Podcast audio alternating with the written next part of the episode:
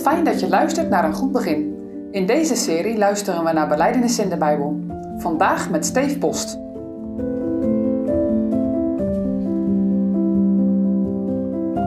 Deze week luisteren we naar de beleidenis van vijf discipelen van Jezus. Vandaag het getuigenis van Thomas. We lezen Johannes 20, vers 24 tot 29. En Thomas, een van de twaalfen, genaamd Didymus, was met hen niet toen Jezus daar kwam. En de andere discipelen dan zeiden tot hem, we hebben de Heere gezien. Doch hij zei tot hen, indien ik in zijn handen niet zie de tekenen der nagelen, en mijn vingers steken de teken der nagelen, en steek mijn hand in zijn zijde, ik zal geen zins geloven. En na acht dagen waren zijn discipelen weer binnen en Thomas was met hen. En Jezus kwam. Toen de deuren gesloten waren en stond in het midden en zei, vrede zij lieden.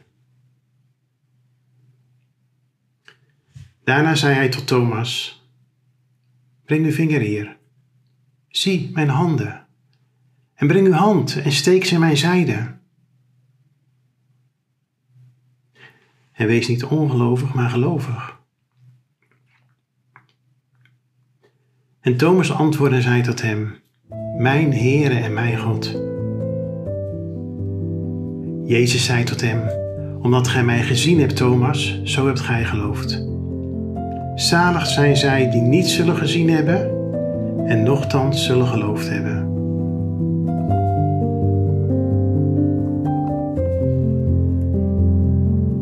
Het is verleidelijk om het eens over Thomas te hebben. Was hij depressief? Een negatief zelfbeeld misschien? Een moeilijke jeugd gehad, waardoor hij geneigd was steeds die bril van wantrouwen op te zetten? En waarom was hij de eerste keer eigenlijk niet bij geweest? Had hij zich in zichzelf opgesloten? Was Thomas zo'n echte binnenvetter? Interessante vragen. Hoewel, eigenlijk was Thomas niet zo speciaal. We kennen allemaal wel zulke soort mensen. Wie in deze geschiedenis speciaal is, is de Heer Jezus. Laten we het over Hem hebben.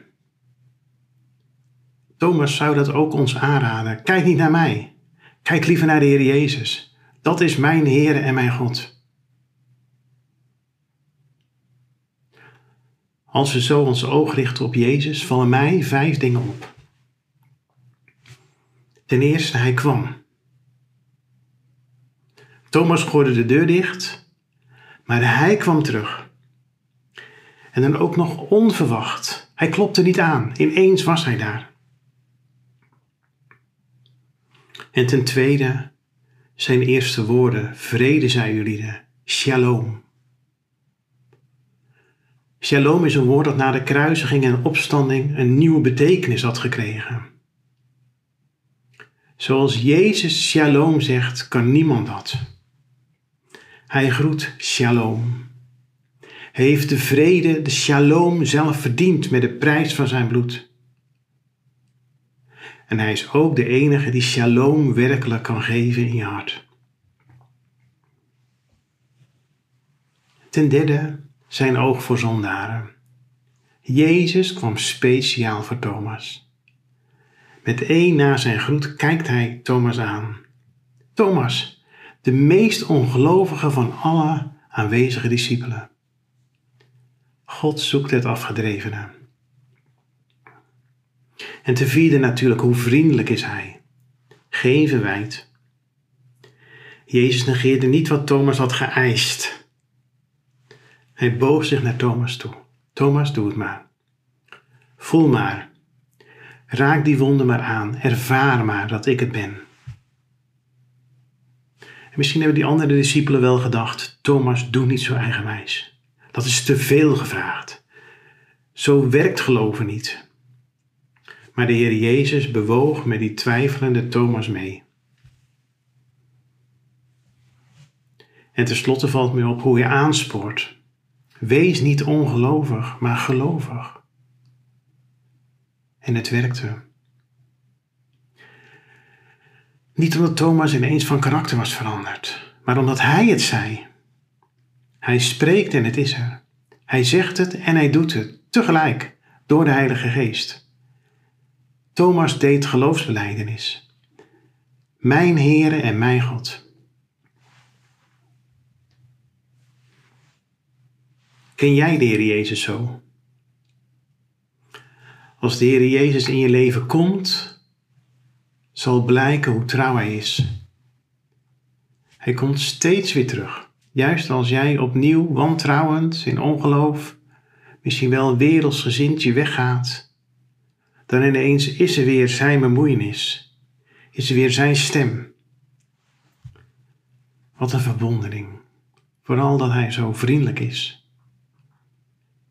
En zijn komst is vaak precies op maat. Ook al zou je zonder die persoonlijke bemoediging moeten geloven, Jezus buigt zich vaak diep naar je over. Hij haalt je op. Hij komt opnieuw.